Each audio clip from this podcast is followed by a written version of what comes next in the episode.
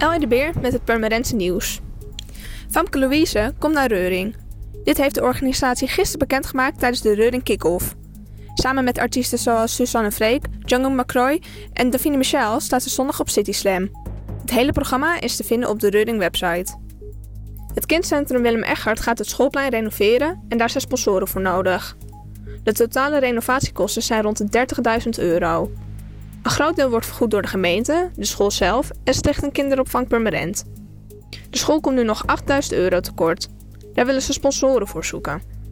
Ook gaat de school op 29 mei een sponsorloop houden. Er zijn honderden bijen die zich hebben genesteld aan de christelijk gerenoveerde kerk aan de Rivierenlaan.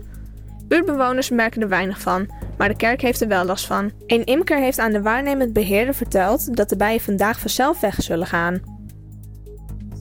De gemeente heeft in samenwerking met het Gilde een fietstocht langs verschillende herdenkingsplekken georganiseerd.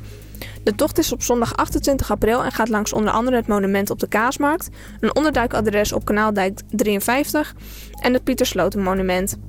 De tocht is zo'n 15 kilometer lang en start om half twee bij het VVV Museumkantoor.